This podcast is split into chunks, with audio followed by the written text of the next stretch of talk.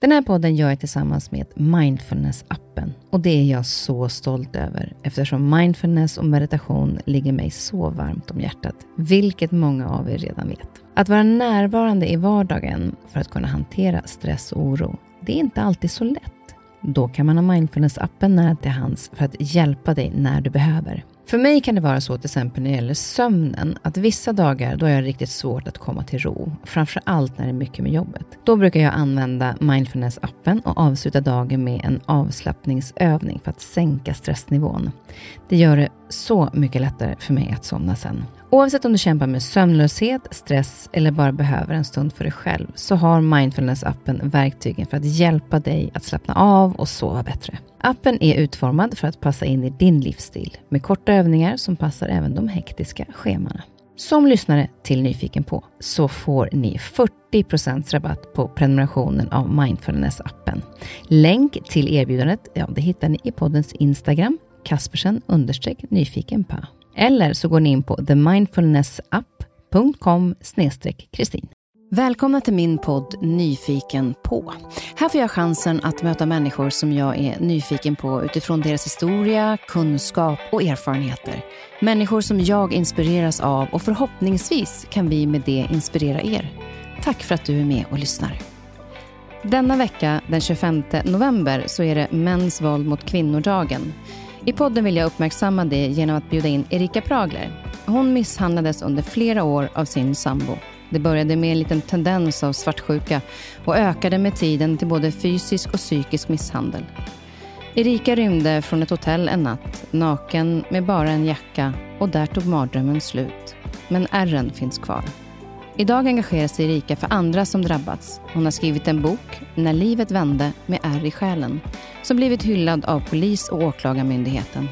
Jag är nyfiken på hur hon fick kraften att till slut ta sig ur relationen, trots rädslan att han kanske skulle komma efter, och hur hon valt att använda sin historia för att hjälpa andra.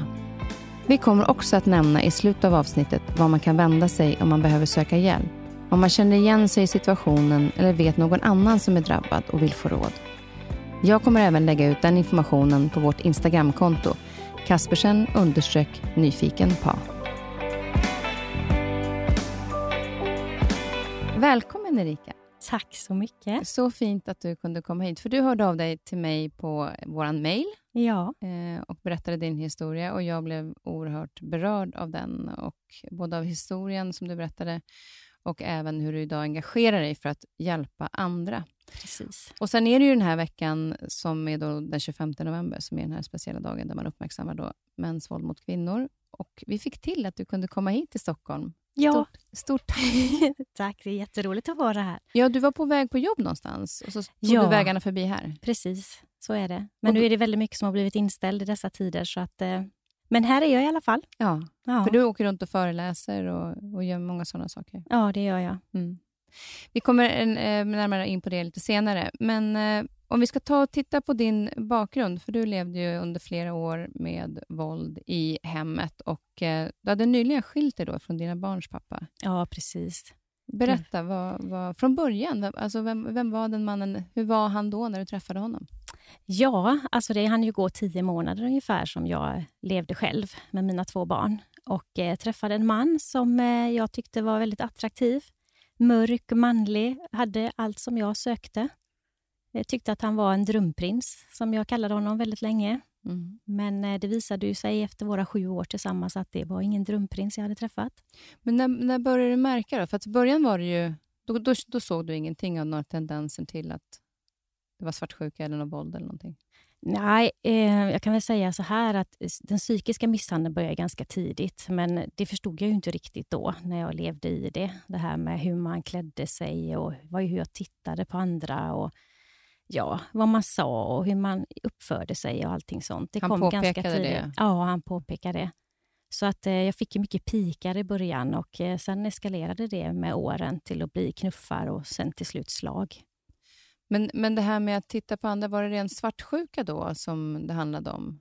Ja, till exempel så lärde jag mig att titta rätt, som jag brukar berätta när jag föreläser. Att eh, Tittar jag för länge på någon så var jag intresserad av någon annan. Och Tittade jag för kort så dolde jag någonting. Så att var vi ute i civilisationen så fick jag ju lära mig att titta lagom till exempel. Så det var ju någonting som följde med mig var vi än var någonstans. Det var liksom att hela tiden tänka på att titta lagom. Mm. Och när blev, liksom, var det svartsjukan som ökade, upplever du, eller var det bara att han blev mer arg? Den ökade ju hela tiden kan man säga. Jag, jag, eh, jag upplever ju också det här att han kommenterade hur jag klädde mig. Eh, jag hade köpt en ny kjol bland annat och då talade han om för mina barn att mamma tror hon är 20 som köper en sån kjol. Och jag hade köpt nya stövlar och de fick jag ju höra sände ut fel signaler. Och, så att det var mycket så här om hur jag uppförde mig, tittade, klädde mig. Det var eh, mycket så i början. Mm. Och då tänker man kanske inte på att det är ett fel sätt att bli behandlad? Nej, läget. absolut inte. Jag tänkte det att jag är väl för gammal för den kjolen, så att den lämnar jag tillbaka. Och De här stövlarna de använde jag ju aldrig då, utan jag anpassade mig till vad han tyckte, mm. helt enkelt. Och Vad var de första tendenserna på när det började bli från det här psykiska till att det började bli mer våldsamt? Ja, det var väl en del kontrollbehov däremellan också. Det var ju... Eh, eh hade, hade, han hade, eh, sa väldigt mycket konstiga eh, meningar och saker till mig som att eh, du är horan som får mig att slå dig eller att eh, du kan inte säga nej till andra män eller hålla ihop dina ben. och Mycket sånt här kom. Och Det han sa och anklagade mig för mycket, det var ju det som sen eskalerade till att bli just knuff och han drog mig ofta i håret och stryptag och sånt. Men att han då han lägger skuld på dig ja, det gjorde han. samtidigt som han då, att det är ditt fel? Precis. Är det någonting som du tror är vanligt att det är så? Ja, det tror jag. För jag, jag tänker just på hur man ska reagera på om man lever med någon som ofta lägger skuld på att det är ditt fel att det är så här, eller att det är du som du får skylla dig själv. Mm.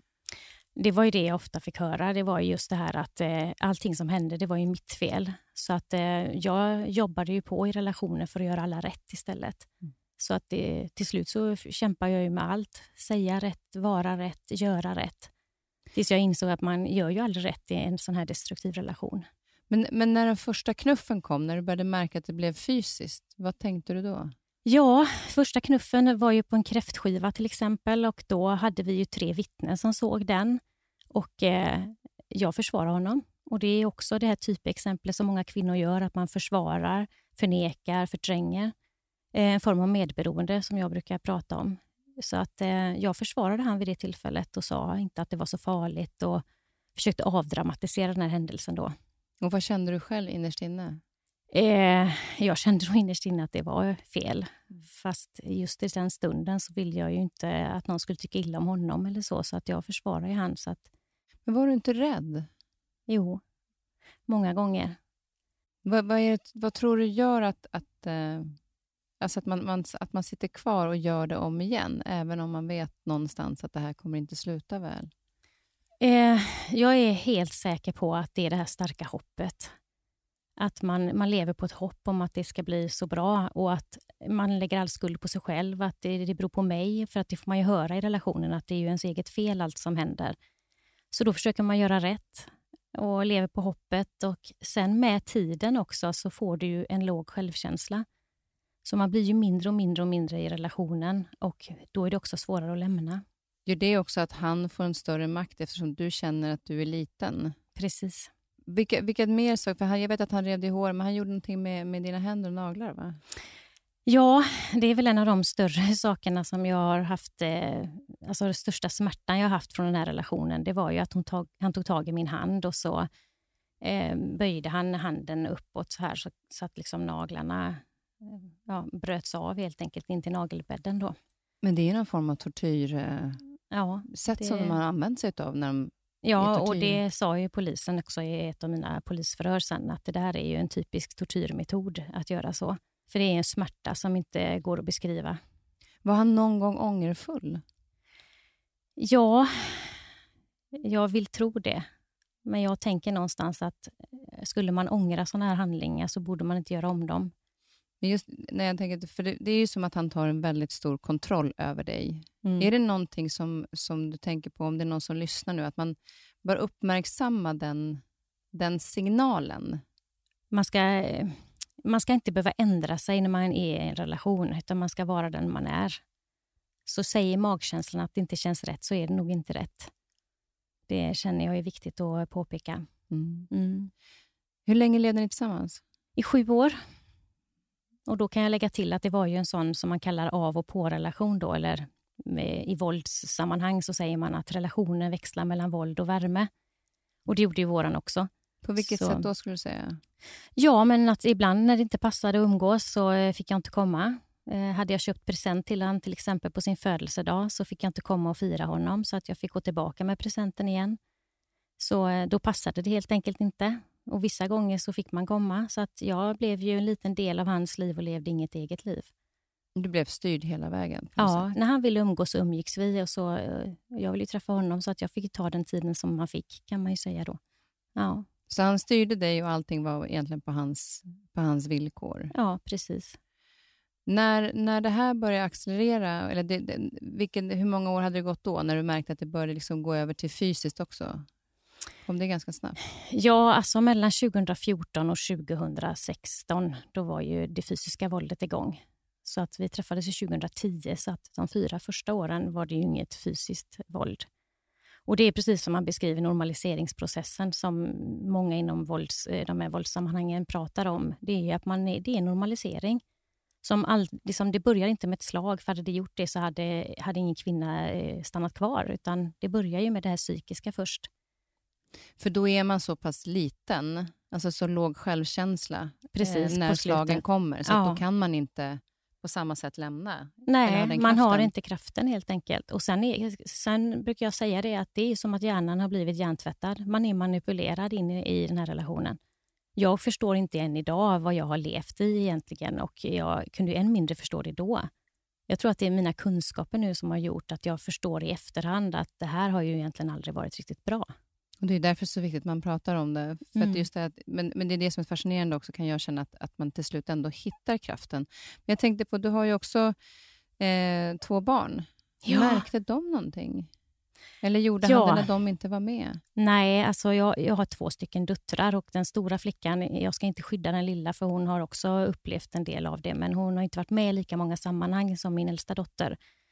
Och jag trodde ju inte att hon hade varit med om så mycket, för man skyddar ju sina barn. Eh, jag försökte köra vita lögner och detta är också att vara medberoende. Att man förnekar, förtränger och försvarar. Så att eh, hade jag fått ett slag och hade en blåtira till exempel så körde jag en vit lugn till barnen. Framförallt den stora. Och eh, hon sa ju i efterhand, mamma, jag gick aldrig på det. Så att, eh, vad jag vill säga med det är väl egentligen att barn ser och förstår så mycket mer än vad man tror. Kan det också, tror du, hjälpa till att få kraften att ta sig ifrån när man också tänker på barnen? Eller är man så pass skör i sig själv att man inte har...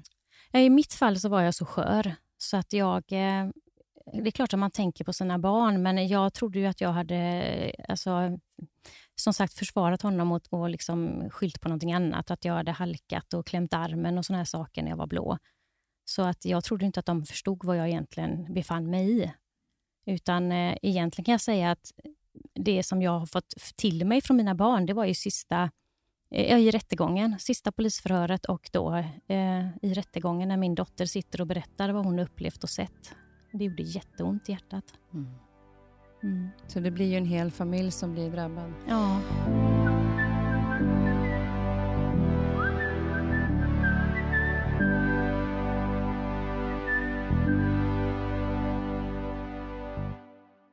Men till slut så, så tog du, eh, lyckades ta klivet bort. Vad Ja. var det som hände den kvällen? Den kvällen så eh, hade vi tagit in på ett hotell för att vi skulle eh, ha en mysig kväll tillsammans. Vi skulle handla julklappar till alla barnen. Han har två barn och jag har två barn.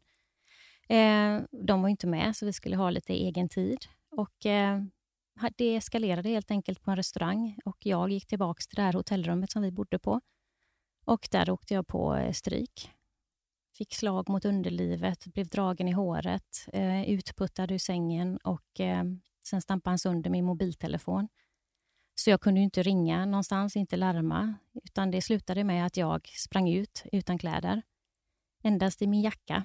Eh, och det har jag ju fått en fråga om, vad, vad, hur det kommer sig att jag inte gick ner till hotellreceptionen, men det var ett obemannat hotell. Så att jag sprang ut på gatan där och där är det en tjej som har precis stängt en restaurang som har en telefon som kan hjälpa mig att larma. Då. Det var sista gången jag såg han. Och det var mitt i vintern. Ja. Och vad hände där? Du ringde och larmade. kom polisen då och hämtade? Ja, alltså, från början var det inte så att jag, jag ville göra en polisanmälan eller ens ringa polisen, utan jag kontaktade en väninna till mig. Och det är, det är också så här nu i moderna tider att man har inga telefonnummer till någon. För man trycker på en knapp i sin telefon och så står det ett namn till någon. Så att det enda telefonnummer jag kunde i det här chockade tillståndet, det var ju till min väninna. Så att jag ringer upp henne och eh, när jag pratar med henne så är det egentligen hon som fattar beslut om att eh, vi måste ringa till polisen. Så den här kvinnan som, som räddar mig så att säga och min väninna, de ringer polisen som kommer till platsen då för att gripa honom. Och han var kvar på hotellrummet då? Nej, då hade han ju tagit sin bil och kört iväg med den. Och eh, onykter då givetvis också.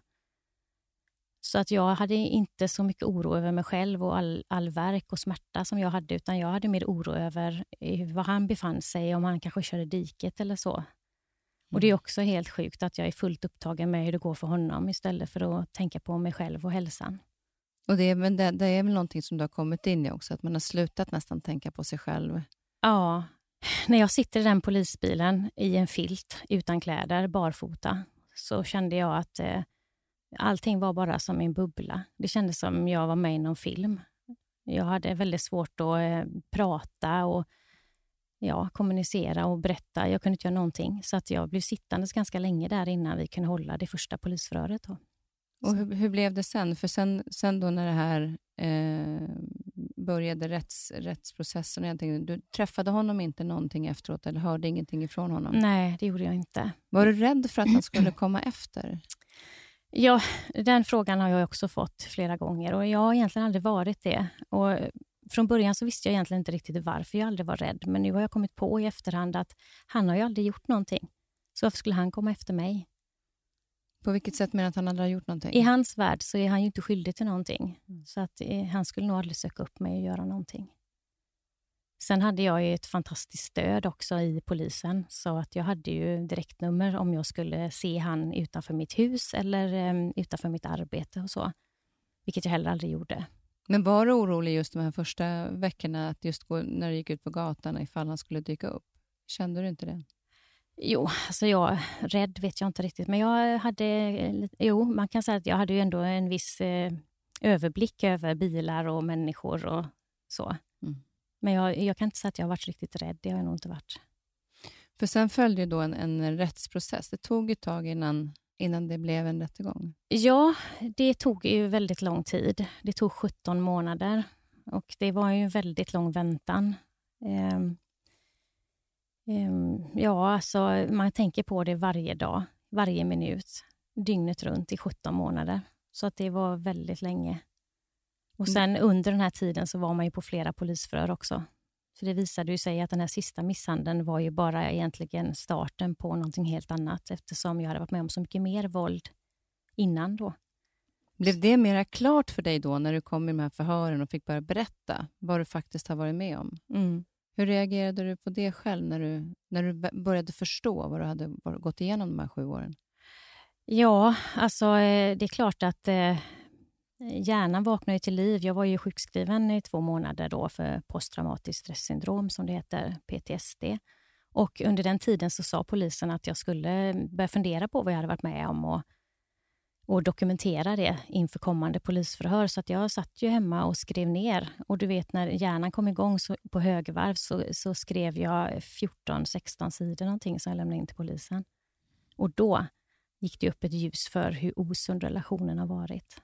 Och vad, vad, vad hände då med dig? Alltså, vad är det, så, för det jag blir nyfiken på också är ju det här att vad hittar man till slut kraften att ta sig därifrån? När, när du är i den här situationen och är så otroligt skör, ingen självkänsla, men ändå till slut så fick det vara nog. Mm. Jag kan säga att största stödet, det har man i sina nära och kära. Att man har en familj omkring sig som backar upp och det har jag haft turen att ha. Eh, och med det sagt vill jag ju skänka en tanke till alla som är med i hedersrelaterade våldsbrott, för att de har ju oftast ingen familj som stöttar upp, för jag tror att det har varit mest betydelsefullt för mig. Sen eh, hade jag ju krissamtal via försäkringsbolaget. Jättebra. Eh, det jag har lärt mig av det, som jag tipsar andra om, det är att man kanske ska vänta med de samtalen till lite längre fram. För man kan inte bearbeta vad man har varit med om förrän det har varit en rättegång. Så jag tror att jag egentligen hade velat ha mina samtal, för man får tio stycken, eh, efter rättegången. För det är då du börjar att bearbeta och kan gå vidare. Är det för att det är liksom inget avslut på den förrän rättegången har varit? Nej, man lever i det dygnet runt fram till rättegången. Tills det blir dom och lagarkraft så, så har du det i tanken. Det är svårt att fokusera på att starta om. Mm. Men, men fortfarande det här eh, som jag, eh, just att du tar klivet, att du bestämmer för att du springer ut. Vad är dina alternativ i det läget? Vad är det du känner där som gör att du verkligen bestämmer dig? Ja, alltså, eh, där inne på hotellrummet så är jag ju livrädd. Han är helt vansinnig, ögonen är svarta och jag får ju så mycket stryk. Så att eh, det är klart att när jag ligger på golvet och jag inser att han stampar sönder min telefon så inser jag att det springer ut för det nu eller, eller inte alls. Mm. Det, det så, den känslan hade jag.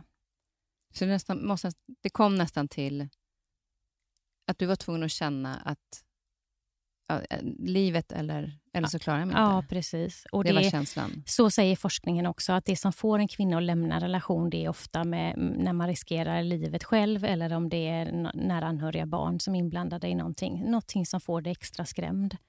Och oftast så försiggår, liksom, eller föregås eh, de här eh, misshandelsbrotten av eh, tidigare alltså avbrott i relationen. Så det här är oftast det sista som händer innan man flyr för livet helt enkelt. Och, det, och Du sa just det tidigare också, att, att det, det, är ganska... Om man tittar på generellt på många andra som har varit utsatta i samma, så har är det ungefär samma mönster. Mm. Det börjar med det här svartsjuka, kontroll, eh, trycka ner, Precis. så att självkänslan försvinner. Efter, något, efter en tid så kommer sen slagen. Så det ja. börjar med den psykiska misshandeln och sen över till vålds, eh, det mer fysiska. Mm, tills man till slut känner att det här är inte... Det, ja, leva eller, eller i princip dö. Ja. Så, så det, det, är en ganska vanlig process menar du? Alltså, ja, och den heter normaliseringsprocessen och den nämns i, i, Man kan googla om den och få reda på massa information, men det är den ordningen som, som det fungerar helt enkelt för alla. Det är som att följa en skolbok, som polisen sa. Mm. Och Sen fick du den här krishjälpen då, som du egentligen hade velat haft efter eh, rättegången. Hela mm. rättegångsprocessen, hur var den? Mötte du honom där? Ja, det gjorde jag efter 17 månader. Det var ju en två dagar lång rättegång. Och, eh, det som jag lyfter som väldigt positivt tycker jag, det är polisens arbete kring detta. För att, att komma dit och inte ha setts på så länge och sista blicken av honom var ju där på det här hotellrummet så kändes det ju jättejobbigt att dyka upp och inte veta vad han är och om jag ska möta han utanför och stå och vänta. Alltså alla sådana här tankar hade jag ju. Men då mötte ju polisen mig på trappan, vår förhörsledare då, och eh, sa till mig att han har inte dykt upp ännu, så du kan gå in i lugn och ro. Och Det är också någonting som gör att, eh, att jag fick en bra start. Jag fick träffa åklagaren en stund före och eh, under mycket tårar gå igenom vad som ska hända, så att jag var lite förberedd. Och Sen fick jag kliva in när klockan blev nio i tingsrätten. Och där satt ju han. Och eh, ja, det, det var bara att följa med åklagarens frågor helt enkelt. Och han hade sagt innan att du ska inte känna att du kommer att eh, glömma att svara på några frågor, för jag kommer att fråga tills jag är nöjd. Mm. Och bara det gjorde ju att jag försökte att landa i, i att han, att ha förtroende för honom och landa i att han vet vad han gör och kan det här. Just det. Mm. Och vad, när, när han satt där, vad kände du när du mötte hans blick första gången? Nu möttes inte blickarna. Inte Nej, Nej, jag kunde inte titta på honom. Och han tittade inte på mig heller, så att, eh, det, det, var inga ögon som möttes. Man behövde inte sitta så pass och titta åt det hållet, utan man bara vänder sig bort? Och ja, det kanske alltså, är det alltså- bästa för att inte, inte tappa fokus heller på det som man är där för? Ja, men eh, ville man titta på varandra så kunde man ju det, för det mm. är som att sitta rätt emot varandra med tre meter emellan. Så att, eh, det var en laddad, två laddade dagar. Mm. Och hur lång tid tog det sen innan, innan du fick svar på vilket straff han fick? Eh, det tog eh, två veckor. Mm. Så mm. efter den här rättegången, när man kände att Åh, nu är det gjort, så hade du ändå inte... Man går ju dygnet runt. Vad ska det bli nu då? Fängelse, fotboja, samhällstjänst? Ja, man har ingen aning. Och vad blev det? Han fick 160 timmars eh, samhällstjänst. Fick han. Så det motsvarade sex månaders fängelse. Och vad kände du över det? Eh, ja, om man läser då domen så eh, är det ju att de tar ju hänsyn till att man är skötsam. Och jag kan ju känna att, att nu ska man inte säga en gång ingen gång och två gånger en gång för mycket när det gäller just våld och misshandelsvåldsbrott. Eh, Men jag känner ändå att har man gjort någonting mer än en gång som man faktiskt hade, så är man ingen skötsam person. Så att jag tycker att han kom väldigt lindrigt undan. Mm. Ja. Och vad det betytt, vad, vad, det, vad känner du för det? Alltså, kan du tycka att det känns orättvist på något sätt, eller accepterade du det som det var? Ja, alltså, man får acceptera det, för så, så är det ju. Men däremot kan jag känna själv att här sitter jag med synnedsättning på ett öga, jag har ärr på kroppen, jag har hår vars, eh, alltså kala fläckar fortfarande. Jag har ju hår som aldrig kommer att växa ut, alltså hårceller som är skadade. Så du har så pass många men mm. efter, din, efter misshandeln? Mm. Och då känner jag att få samhällstjänst motsvarande ett halvår och sen så kan hans liv gå vidare. Det är klart att det känns lite orättvist, men så blev det. Mm. Mm. Men du valde att gå vidare. Eh, och eh, Hur lång tid tog det sen för dig när, du, när här allting var över? Att komma tillbaka och hitta självkänslan igen? Ja, alltså jag kan inte säga någon speciell tid egentligen. Jag, bara, jag, jag, jag, tror att mycket av mina kunskaper jag har, för att jag jobbar med friskvård också. Mm. Och eh, Jag har lärt mig mycket att jobba med självkänsla och självbild och självförtroende och så. Så jag har nog eh, applicerat egna kunskaper helt enkelt på, på att stärka mig själv. Men återigen fått eh, mycket kraft ifrån nära och kära helt enkelt. Och jag kom igång ganska tidigt med att börja jobba. Eh, bröt min sjukskrivning till exempel för att komma tillbaka till ett eh, socialt liv. För det är också en sån grej, alla har ju olika förutsättningar. Vissa har familj, vissa har inte nära mm. och kära.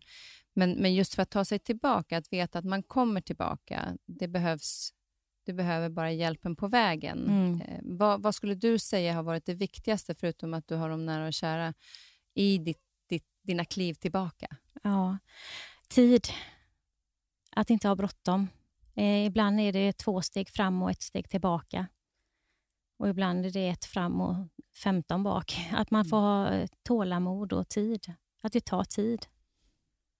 Men just det här att det då är ha tid, men det blir bra. Ja. Att inte tappa den, eller? Ja, precis. Att man får... Eh, att man ska tro på sin förmåga. Believe, som jag säger. Ja. Never stop believe. Det är en, vi, vi pratar ju om det här med liksom våld mot, mot kvinnor och det är med tanke också på den här dagen som, som är nu i veckan, mm. den 25 november. Mm. Eh, det jag tänkte också på, du som nu är, är inne i den här delen av eh, och arbetar idag med andra. Mm. Eh, dels så jobbar du frivilligt på Brottsofferjouren. Kan, kan du se, är det liksom någon, jag tänkte dels också det här coronaåret, mm. har det blivit någon ökning av våldet, vad ni har märkt? Ja, hemmen? det har det. Våld i hemmet har ökat. Och Det tros ju bero mycket på det att man, man isolerar sig och man lever på små ytor. och eh, En del oroar sig kanske för sin ekonomi och det blir ångest och andra otrevligheter hemma och så helt enkelt så ökar våldet i hemmen. Nu när du jobbar då med de här olika, håll föreläser, vad betyder det för dig att få vara med att göra någonting för andra efter den här tiden som du har gått igenom själv? För mig betyder det att jag gör något värdefullt av de eh, tyvärr då tråkiga upplevelser jag har själv. Att jag kan vända mina negativa erfarenheter till något positivt. Att jag kan kanske lära ut någonting till någon annan och framför allt visa att det finns hopp. Att det, man kan komma vidare och man kan må bra igen. Vad tror du man behöver göra för att, att det inte ska behöva gå så långt, att man kommer till det här att, att eh, leva eller dö-känslan? Mm. Jag säger inte att det är så, men den känslan av att det kan eh, bli så, som först gör att, att man tar sig därifrån. Mm. Eh, vad tror du är liksom nyckeln till att man inte ska ha den normaliserings... Eh, utan att man kan försöka stoppa det tidigare. Mm. Ja, men det är så. Man, ska, man måste försöka vara vaksam på vad som är eh, normalt. Att man inte accepterar on, onormala saker. För att så fort man får en känsla av att det finns minsta uns av kontroll eller ja, som vi pratade om, det här med hur man klär sig och ser ut och beter sig och allting, så, så, så ska man nog eh, dra öronen åt sig, vill jag säga. Mm. Man ska få vara sig själv. Det är jätteviktigt. Och det är, den, det är den viktigaste delen, för det är ändå det någonstans som också de, de som utsätter en för det verkar vara experter på att, att, att man själv tappar det ganska snabbt, att tro att det inte är att jag är normal, att Precis. jag får vara som jag är. Precis. Eh, utan att det är där de går på först. Mm. Och där någonstans kan jag känna, det finns ju många olika typer av våld, vi ska komma in på det lite längre fram. Men, men till exempel om man tittar på de anhöriga runt omkring. Mm. Ibland kan det ju vara så att anhöriga i din familj kanske såg vad du råkade ut för, eller, eller andra som ser och misstänker att det där är inte ett okej beteende i den där relationen. Vad gör en, en anhörig då? Ja, eh, det som är viktigast är ju att man vågar fråga. Man ska våga fråga om man tror att någon utsätts för våld. Ehm, sen är det ju så här att den som är våldsutsatt ser ju oftast inte att den är utsatt. Utan då tänker man bara att det har varit ett vanligt bråk. Och bråka gör ju alla i alla relationer. Så att eh, det är viktigt som, som, som alltså närstående och anhörig, kollega på jobbet, granne, att man reagerar. Och då handlar det inte bara om fysiska våld, utan det är även att, att de kanske trycks ner mentalt. Och att, som du pratar om, Ja. att det här är ditt fel, eller om det är svartsjukan eller vad det är. Precis. Men, men någonstans, när du är medberoende och går in i försvar, så Mm. tror jag att det också kan vara svårt för en anhörig att gå på dig, för att du försvarar ju. Mm. Och då kan den anhöriga uppleva sig som att man gör något fel, alltså man vill inte lägga sig i. Mm. Vad, vad, vad ska man göra i det läget, när då du till exempel gick in i ditt medberoende? Ja, alltså det är, så, det är så svårt. Mm. Ehm, vi har pratat om det hemma flera gånger, om hur man har svarat och hur man har gjort. Och, alltså det, är, det är komplext, det är det. Men eh, jag tänker ändå att man inte ger upp, utan att man ändå eh, synliggör det. Mm. Forskningen säger att enda sättet att våld upphör, det är att man synliggör dess existens. Och då känner jag att det är viktigt att man som anhörig inte ger sig. Att man vågar eh, säga ifrån och uppmärksamma vad man ser. Och, även om du sitter och förtränger. Och med kanske om. föder det någonstans... Eh, En tanke om att det här är inte normalt. ja. Mm. Och att det då kanske liksom byggs på efter några gånger, så att man har den tryggheten med sig när man inte själv litar på sitt eget kanske. Precis. Eh, när, när man pratar om olika typer av våld, vad skulle du säga att det finns? Vi pratar ju liksom om psykisk och fysisk misshandel. Mm. Eh, men, men det finns andra typer av våld också som du gärna ville ta upp, för att det är någonting man inte kanske tänker på när det gäller våld. Nej, precis. Eh, eh, fysiskt, psykiskt och sexuellt våld det är tre våldsformer som är de vanligaste. Det är de som ofta eh, det skrivs om i tidningar och i media. och sådär.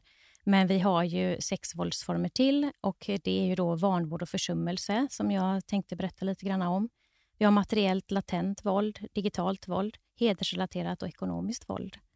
Och det är klart, känner man inte till de här formerna så vet man ju inte om man har utsatts för dem. Nej, och hur, hur skulle du beskriva, du hade något exempel där till exempel. Ja, eh, när man jobbar som samtalsstödjare då, som jag gör på Brottsofferjouren så eh, har jag bland annat haft kontakt med äldre människor som har blivit utsatta för bedrägerier, något som ökar lavinartat i Sverige. Eh, men det sker ju inte bara via nätet eller i hemmet av, av eh, okända människor, utan det förekommer ju även bland nära och kära som utsätter äldre. Jag har bland annat en man då som eh, har blivit kränkt och utsatt för bedrägeri i sitt eget hem av sina egna vuxna barn. Där de har stulit värdesaker och pengar från hans konton. Och det här uppdagades ju långt senare av en god man. Och Det här är såna typer av brott som kan vara lite svåra att utreda. Det finns ju äldre då som eh, till exempel eh, kan ha problem med tidsuppfattning och ibland kan de ha en begynnande demens. Och naturligtvis kan ju en gärningsman nyttja det då. Så Ja, det, att, eh, och- just att de inte har den, den kraften att ens göra sig kanske hörd på det sättet, så Mm. gör ju de, blir de ju en väldigt skör grupp redan där. Mm. Så vi har ju till exempel då, utöver de här våldsformerna, då, så när man pratar om vilka som utsätts, förutom eh, män som, som slår kvinnor, så har vi ju även eh, våld inom samkönade relationer. finns kvinnor som slår män också. Sen finns det barn som utsätter vuxna och det finns då äldre som blir utsatta av sina vuxna barn. Och sen Mm. har vi de här funktionsnedsatta också, som är en viktig grupp att nämna. Ja, för de, de är ju, eh, har ju kanske absolut inte någon möjlighet att, att kunna hjälpa sig själv att ta sig bort Nej, därifrån, precis. eller kanske till och med ringa och få hjälp och så. Mm. Vad är det för typ av samtal du hör kring de som är funktionsnedsatta? Ja, till exempel här kan jag berätta om vi har haft en ung kvinna nu ganska nyss som eh, hade en intellektuell och psykisk funktionsnedsättning. hon fick ju regelbundna besök av sin pappa då eh, och genom honom så lär hon känna två andra män. Och Den här kvinnan hon tycker ju att hon har fått två nya vänner och beskrev dem som så jättesnälla, vänliga, trevliga. Men eh, det visade sig sen att hon utnyttjades sexuellt och genom pappan då, och de här två männen. Så att, eh, det var ju aldrig någon fråga om någon vänskap där, utan det var ju ett sexuellt utnyttjande eller ett koppleri då från pappans sida. Så att det är ju ett mycket grovt brott. Och hur kommer det här fram till slut? Alltså vad, vad är det som gör att man kan hjälpa de här eller se att sådana här saker händer? För det får inte hända. Nej, men eh, som sagt man måste vara uppmärksam och i sådana här sammanhang så, så är det lite lurigt för att när man är funktionsnedsatt så kan det ju vara så att den som utsätter den för alltså som ska hjälpa en kan ju vara den som i värsta fall utövar våldet mot en.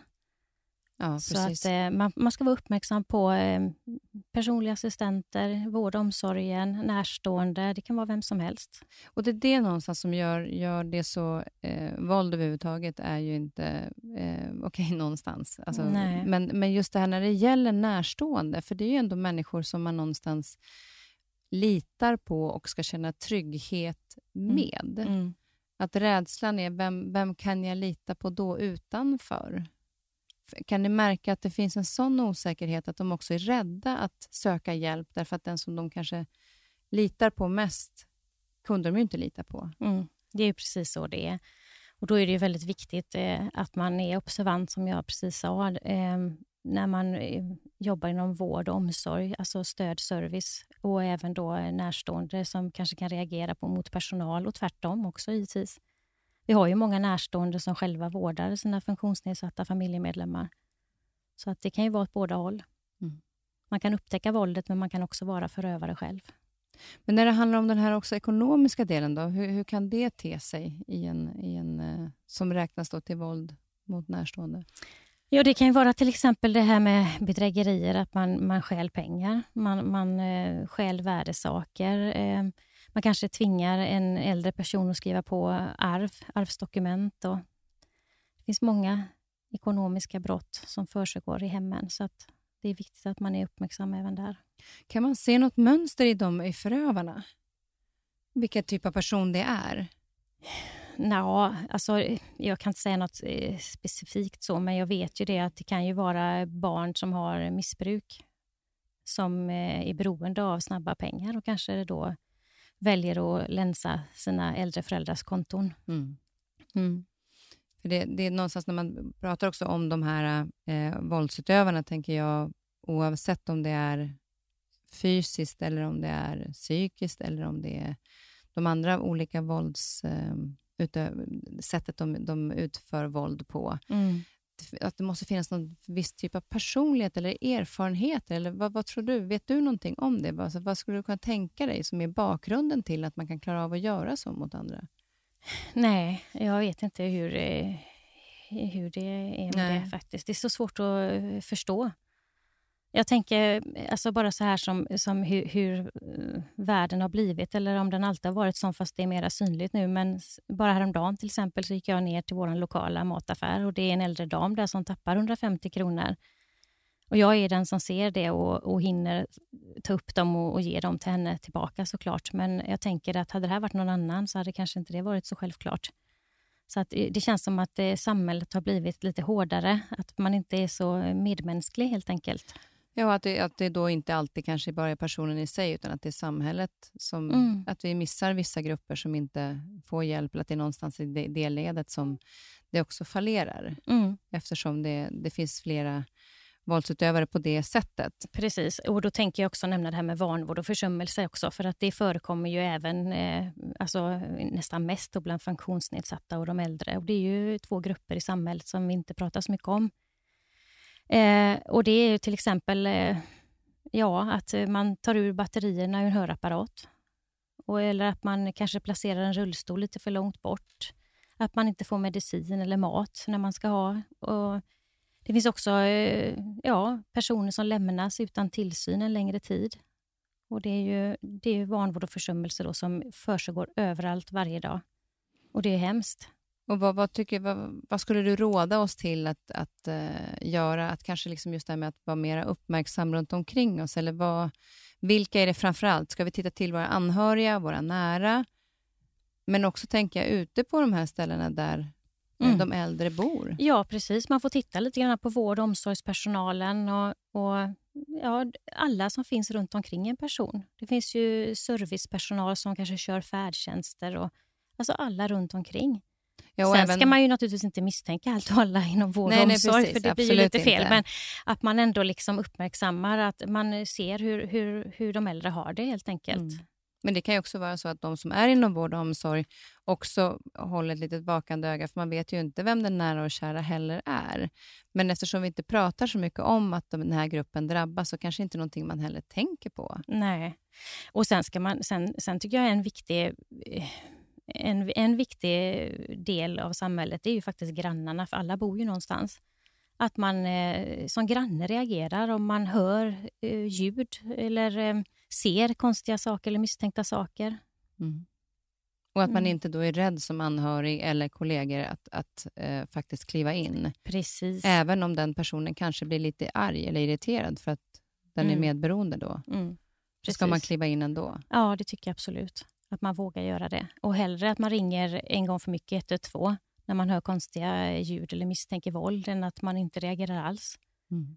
Jätteviktigt. Ja, det är så lätt att man kanske ja. tror så här, ja grannen, eh, ja men de har väl någon fest eller någonting. Alltså, det ja, att man inte, och att man inte vill lägga sig i. Mm. Men om det, om det dyker upp flertalet gånger, så, eller mm. egentligen första gången, ska man väl egentligen reagera. Mm. Det tycker jag absolut man ska göra. Det är en sån balansgång det där också. För man vill inte gå för nära grannarna och bry sig om de har fest. Nej, precis. Ringa på och Komma säga, och störa. Ja, hej.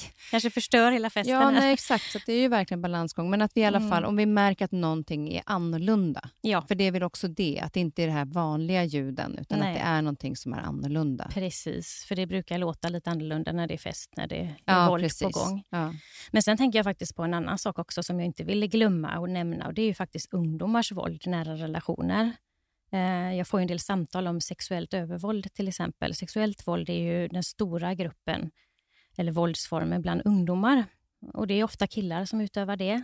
Och eh, Då kan det handla om att det är väldigt grovt sex, till exempel, där skador uppkommer. Och troligtvis så är det väl så att utövarna då är väl påverkade av porrindustrin. Det är faktiskt så att eh, vad man ser det är ju att utsatta utav, av eh, alltså, sexuellt våld bland ungdomar, det är utav båda könen. Och Det handlar väl då att de, om att de pressas och kanske inte vågar säga ifrån och ja, rädda att eh, de ska bli mesiga om de sätter stopp för någonting och så. så att, eh, det... Och det menar du, det gäller båda, båda vägar, även om det var killar mest, men, men att det även kan... Ja, att killarna är förövarna många gånger, de som, som utövar sexuellt våld, men det kan också vara mot båda kön, då, pojkar och pojkar och pojkar flickor. Och, mm. Så att det tycker jag är viktigt att nämna också, att eh, man ska våga sätta stopp när man utsätts för eh, sexuella handlingar som man inte vill ställa upp på. Ehm, jag vet där, gäller, att det, där gäller det att kliva över rädslan. ja, rädslan. och inte vara... Alltså, det som är så hemskt med det här det är ju att alla tror att alla gör så här för att man lockas till att porren är verkligheten, att det är så det ska gå till och så utnyttjas man och får skador. Eh, och Det är ju inte heller bra. Och Jag vet att det finns skolor runt om i landet som har teman om eh, relationer. Eh, de pratar om porr som förnedrande handlingar och så är det sex och kärlek mer som det fina sättet att ha att sex och kärlek är någonting fint. Mm. Och Det tycker jag är, är viktigt och ett väldigt bra initiativ av landets skolor. Att prata om eh, porr som förnedring och sex som kärlek. Och att svartsjuka, det är eh, inte kärlek. Svartsjuka är inte kärlek. Och Det är där någonstans också som jag ser att det är så viktigt att någonstans... Eh, så för som förälder så kan det ibland ha varit svårt att prata med sina barn om, om sex. Man tycker att så här, det är så privat och det kanske man inte ska prata om. Men alltså mm. vikten också att förklara det. Mm. Mm. Att ansvaret också hos föräldrar. Att mm. våga prata om att sex och närhet på det, det liksom kärleksfulla sättet är fint. Ja, precis. Eh, och att porrindustrin, går inte in i det. Nej. Titta inte ens åt det hållet, för det Nej. handlar inte om, om det fina som man faktiskt kan uppleva. Ja, precis. Och att svartsjukan eh, inte får ta över. Mm. För det är någonstans det som vi kanske kan ge med och bidra med. Mm. Även om ungdomarna kanske kan tycka att det är jobbigt att föräldrarna pratar om det. Ja, så Ja. är det ju. Men jag tror också många gånger att det är vi föräldrar som är lite för fega. För det Ja, tror känns du liksom, det? Ja, men, ja, det är I alla Ja. fall när jag pratat runt med, med eh, kompisar så jag, Mm. det har varit lite svårt. Jag tror det är bättre nu. Om man tänker Mm. på min generation så var ju inte föräldrarna pratar ju inte om, om sex och kärlek på det sättet. Man pratar om kärlek, men kanske inte om sex. Nej, men precis. Så det är kanske också en generationsfråga och att det har, har Mm. blivit bättre nu. Mm. Eh, det hoppas jag innerligt. Men Mm. där kan vi föräldrar i alla fall göra väldigt, väldigt stor skillnad. Våga prata om det. Och även om våra barn säger nej, men ah, sluta. Ja, man är Så pinsam. gör det ändå. Gör det ändå. Ja, gör det ändå. Ja. Absolut. Hade du Mm. några mer exempel där? För jag vet att du ville ta upp några saker som du kände Nej, jag, jag känner just det här att, eh, att, vi, eh, ja, att vanvård och försummelse inte får glömmas bort. För det är ju faktiskt en våldsform som, som sker dagligen, varenda minut i hela vårt land. Mm. Att sitter man eh, i rullstol och någon placerar den eh, för långt bort så man inte når den, och sånt här, det är också våld. Det är också brott. Att vi, vi ser liksom inte de här formerna lika tydligt som man pratar om fysiskt våld, alltså, alltså ett misshandelsfall, att man ska få slag, att det är det som är ett brott. Men det finns ju så mycket andra former. Och det är det som känns så bra att få berätta om dem, så att man vet om om man själv är ett eh, brottsoffer helt enkelt. Och där tänker jag också på din historia, för att det börjar ju med eh, svartsjukan och eh, det här med att trycka ner. Det är också våld. Att man, att man på något sätt också tänker, för det är där det kanske också börjar. Mm. Att det är inte okej. Likväl som att man ställer en rullstol lite längre bort. Det kan tyckas vara ja, lite retsamt kanske. Fast det är inte okej. Nej. Eh, och att man, kan man stoppa det tidigare med de här små, så kallade små, jag säger inte att de är små, men de så kallade mindre händelserna, så kanske det stoppas innan det blir ännu värre. Mm. För att man får inte acceptera även de små handlingarna. Nej. Så hitta den kraften att, att, att stå i sig själv och förstå att nu trycks jag ner och det här är inte okej. Nej, det det är inte inte alltid mitt fel. Och det är det som är svårt om du har kanske språksvårigheter eller svårt att uttrycka dig. Att eh, kunna få den hjälpen eller vad det nu skulle kunna vara. Ja, Så och det att- gäller ju både minoritetsgrupperna som Ja. män och kvinnor generellt. Precis. Eh, att försöka bromsa det i tid Mm. innan det går för långt. Mm.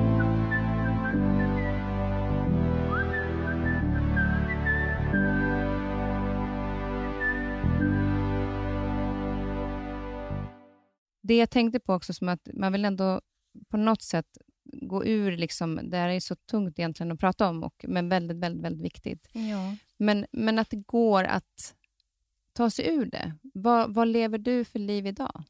Idag så lever jag ett, eh, ett eh, väldigt eh, harmoniskt, lugnt och fint liv med mycket kärlek och har familj och nära och kära omkring mig. Mm. Och det- Jobbar och brinner för att lyfta de här frågorna så att fler blir medvetna. Och Ja. du har också hittat kärleken igen. Ja, det har jag. Tyckte du att det var, var det läskigt att bli kär igen? Eller var du rädd? Ja, alltså eh, det är klart att man är rädd. Och eh, det här med att lita på och så. Men eh, jag måste nog säga det ändå att man får ta det väldigt försiktigt. Och jag var hela tiden öppen med vad jag hade gått igenom. Alltså tidigt pratade om det så att eh, det, det aldrig blev någon hemlighet kring att jag var försiktig och att jag inte hade bråttom och så. Jag tror att det, det är en bra start när man ska träffa någon ny. Kan det vara också så att du hade känt att du hade överlevt typ det värsta man kan vara med om? Eller bland det värsta i alla fall. Eh, Så att jag klarar mig så oavsett Ja, så är jag inte rädd. värre än det jag hade varit med om kan jag inte vara med om. Så att det har du helt rätt i. Det har säkert bidragit också. Mm. Men kärleken finns där och den, den, att man kommer tillbaka. Det är det jag också tycker är viktigt när man pratar om såna här ämnen och när det är människor kanske som känner igen sig i din situation eller Mm. någon av dem du har berättat om. Att det finns en väg ur och det är det som är det viktigaste. Att man vet att det finns hjälp att få Ja, eh, och, eh, så, och ta den. För ja. var inte, liksom, även om självkänslan är så låg, så Mm. vill man ju att folk ska känna Mm. att du kan ha ett liv framöver. ja, och det är det som jag tycker är så viktigt också. Eh, som jag brinner för nu, det är att visa att eh, livet går vidare och det kan bli riktigt bra. Att det Mm. kan komma något gott ur, att eh, orka ta sig igenom de här jobbiga processerna innan man är ute på andra sidan, som man brukar säga. Men det finns vägar ut och Jag sitter här nu. Ja, du sitter här nu. jättebra. Ja, Ja. Det, det är verkligen ett fint hopp. exempel på, på det. och Därför är det Mm. fantastiskt att du också är ute och föreläser och sitter på brott, Brottsofferjouren som har gått igenom allting och också hittat vägen tillbaka. Mm. Eh, om man nu ska tänka då på vad är det viktigaste som man ska tänka på om man är drabbad eller om man är anhörig, Mm. hur man ska göra för att gå tillväga för att få hjälp. Ja, eh, om man är drabbad så är det ju jätteviktigt att dokumentera. Eh, det är det viktigaste du kan göra. Det är att dokumentera saker som, som sker. Alltså, ta kort, eh, skriv ner saker, dagbok. Eh, så. För eh, när det väl är rättegång sen så är, det, så är rättsintygen väger väldigt tungt i en rättegång. Jag hade rättsintyg och det väger väldigt tungt. Mm. Så det här med att dokumentera är viktigt. Prata med någon som, som vet eh, vad du har varit med om. Alla vågar ju inte det. För man vill inte att den man är tillsammans med ska tycka illa om... Alltså, andra ska tycka illa om den personen. För man tror ju på att det ska bli bra. Så att det, det är dumt egentligen att säga, men försöka prata med någon. Och är du närstående eller, eller så, så våga fråga. Och om någon öppnar upp och berättar någonting, så stanna kvar och lyssna också.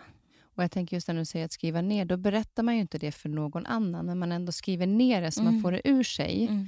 för att sen kunna också visa, även om man kanske inte vågar prata om det, så har man i alla fall skrivit ner och kan visa någon istället. Mm. Så det finns ju olika sätt att göra Jag hade på. en himla tur, för jag har ju varit väldigt aktiv på eh, Facebook. Så att jag hade ju väldigt mycket av våra semestrar ihop, hade jag ju alltså automatiskt dokumenterat i Facebook, för jag hade lagt ut bilder. Så när jag skulle gå tillbaka i tiden så hittade jag ju bilder med datum och då är det ju lätt att, för polisen att se över att har vi varit på de här platserna. Och, så det var ju tur. Mm, ja, verkligen. Men, men just sådana grejer, att, att samla på. Sen vill man ju inte att det ska gå så långt så man måste samla på så mycket, men det kanske också är bra att påminna sig om att det var det här jag kände. För Mm. Det kan man ju också kanske glömma bort när man trycks ner, att det inte är rätt eller fel. Alltså vad är rätt eller fel? Nej, och jag kan säga det att min dokumentation kom ju efter sista misshandeln jag var hemma i två månader. Och Jag landade och började titta tillbaka på åren faktiskt. För att när man är i det så har man ingen koll bakåt. Det är också typiskt. Man ser bara framåt och allt som har hänt det liksom finns inte. Det gör också att man kan stanna för att man har glömt av allt som har varit.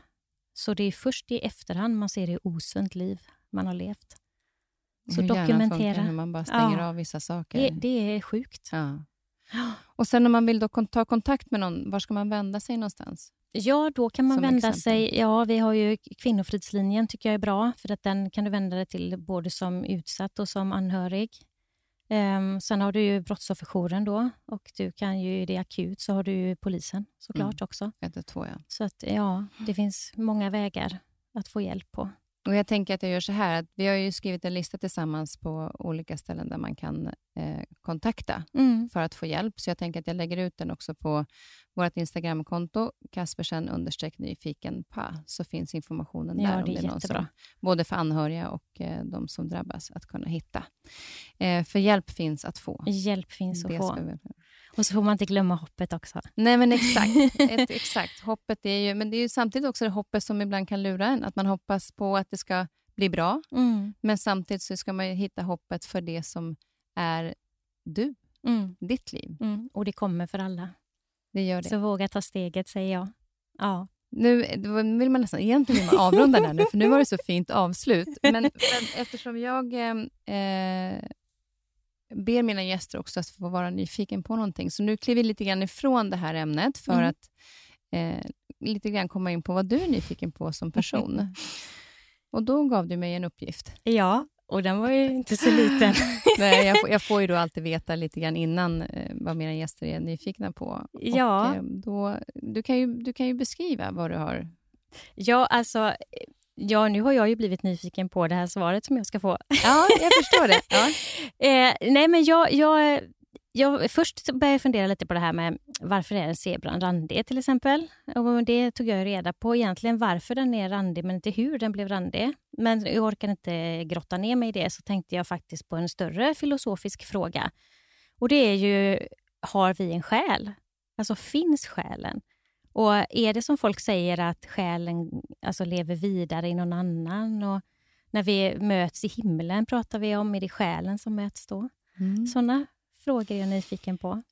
Extremt intressant Ja. faktiskt. Eh, och jag tror att Det, det är väldigt intressant, för det är väldigt olika beroende på vem man pratar med Mm. om det. Mm. Och Lite grann märker jag också det när jag, när jag har nu googlat detta och eh, försökt hitta lite svar. Och Då är det väldigt tydlig skillnad, alltså tydlig skillnad, men det är också skillnad mellan vetenskap, religion och, och till exempel ett medium. Mm. Hur de olika ser på det. Så att någonstans så förstår jag att förvirringen är stor, vad själen är och om den finns. Eh, men enligt Nationalencyklopedin, den är alltså alltid lika svår att säga. Ja, ni fattar vad jag menar. Eh, jag tänker inte försöka en gång till, för då kommer jag missa. Eh, själ, den del av en individs personlighet som kan sägas innefatta de egenskaper vilket möjliggör tanke, känslo och viljeliv. Mm. Människor och andra högre utvecklade djur är inte uteslutande kroppsliga organismer. De befinner sig också i olika mentala tillstånd. Så där handlar det mer om liksom det här tanke, känsloliv och viljeliv. Mm. Lite. Sen läste jag, det finns ett medium som heter Benny Rosenqvist. Ja. Och han beskriver så här, det här tyckte jag var väldigt intressant. Man brukar säga att själen väger cirka 21 gram. Det är vetenskapligt bevisat att människan väger 21 gram mindre när den dör än när den levde. Mm.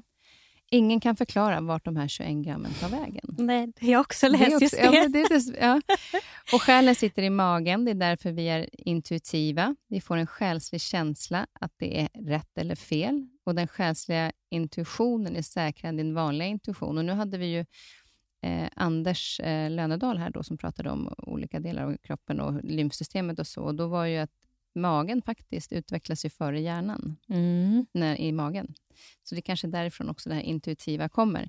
Och från stunden själen lämnar kroppen, templet, blir den en ande. Själen blir då friare i sin kunskapsenergi. Den bär på allt det som vi har gjort under vårt jordeliv. Då sker också en förhan- förhandling med din guide och du får tillgång till kunskap från alla dina tidigare liv. Där och då bör du jobba med ditt kommande liv, säger mediumet. Sen har vi Vikiskolan då, som har olika definitioner av begreppet själ. Det, jag tar upp de här olika för att det är ju liksom beroende på vem man pratar med. Ordet själ är i stort sett liktydigt med ordet medvetande. Ordet själ används inom religioner medan inom filosofi och vetenskap används ordet medvetande. Mm. Skillnaden mellan ordet själ och medvetande ligger främst i att man med ordet själ i regel förutsätter att medvetandet helt eller delvis är andligt. Själen antas i de flesta religioner vara bunden till kroppen och hjärnan, men sägs kunna frigöras från hjärnan och kroppen när kroppen dör. Vad som händer sedan med själen oberoende av hjärnan råder det dock delade meningar om inom och mellan religioner. Så det här är ju helt klart olika tankar kring det. Det finns Mm. någon liten gemensam nämnare där, att det är det här mentala känsla eh, inom oss. Mm. Vad skulle du säga själv att själen är? Ja, men alltså, jag tänker ju alltså mentalt. Och då tänker jag, man, man pratar ju alltid om att kropp och själ är ett system. Så att jag menar, det spelar ingen roll hur tränad man är om inte själen mår bra och tvärtom. Så att eh, någonstans finns det ju inom oss. Och eh, ja, alltså, tankar och känslor och psyket faktiskt. Jag tänker på min egen bok. Eh, Den heter ju Mm. Med i själen. Och efter jag hade funderat på den här frågan så tänkte jag, ja varför heter boken så då? Så Ja. att man kan ju botanisera i det oändliga på det här med själen. Men jag tycker det är lite spännande. För mig är ju ärr i själen, det innebär ju att jag bär med mig ärren resten av mitt liv när jag döpte min bok. Mm. Så att för mig är själen nå- något som har med psyket att göra. Men eh, sen om, om det följer med någonstans så att jag träffar alla nära och kära i himlen sen, det, det vet jag inte. Men jag kan tycka att det är lite härligt att man också kan få välja lite själv vad man vill med just ja, det. men exakt. För det vet jag ju själv att, att om man har en nära till exempel som har gått bort, Mm. så jag tänker ju att hon är med, alltså då, mamma till exempel, att hon är med och att, att jag pratar ju med henne som att själen har gått vidare och Mm. det tycker jag är en självklarhet. Mm. Och sen egentligen, jag bryr mig inte om det, om det är sant eller inte. För Nej. för mig funkar det. Ja, och Och, det är för tur. mig är det sant. Ja, Och gör det mitt liv lättare så, så är det bra för mig. exakt. Och där kan jag tycka är lite häftigt med själen, att det också får vara det. Ja. För, för, eh, men det, det, vissa säger då att det finns också själlösa människor som inte alls har någon känsla, väldigt få då, men bara liksom kall blick och Mm. inte känner. Det är Mm. väl det någonstans som kanske är det liksom gemensamma nämnaren någonstans. Att, Ja, men jag håller med dig. Själen är någonting fint. ja, Jag vill se det som någonting fint och någonting som finns. Och när två själar möts. Ja, Alltså, det förstår ja men den, precis. Den. Eller att man är själsfränder och allt vad man säger. Det är ju fina saker. Och det är någonting man inte riktigt kan ta på vad det är som gör att man tycker så mycket om varandra. Det bara är någonting som klickar. Ja, precis. Ja. Det är nästan skönt att lämna det där så kan Eller man få hur? vara nöjd med det. Vi gör så. Men då lämnar vi det där och så Är vi vårdar vi nöjda? vår själ Ja. och eh, tar, hand om de, tar hand om de ärenden som man har i själen. Eh, Precis. och eh, din bok blev också väldigt uppmärksammad, jag sa det i början också, av polisen och, och eh, Åklagarmyndigheten. Ja, Den har precis. fått väldigt fin respons också bland läsarna. Ja, det har den. Det är jätteroligt. Det Så det är en fin verkligen. bok att, att läsa också, oavsett om man är anhörig eller inte. Ja, mm, absolut. Stort tack för att du kom hit Erika. Nu ska vi ta och fika lite grann. Jag har Ja. på mitt favoritställe här på Ja, jag ser detta. Ja, det har blivit att jag har gått dit nu varje gång innan, innan. Så nu finns det både chokladboll, råfruktsboll, kardemumma Ja, det och ser kanel. jättesmaskigt ut. Mysigt. Ja, tack, Tack. snälla för att du kom hit. Tack för att jag har fått lov att vara här. Tack, tack. Gud, så gott.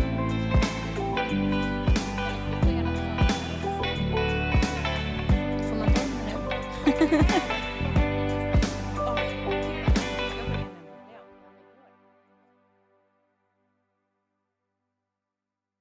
här podcasten är producerad av Perfect Day Media.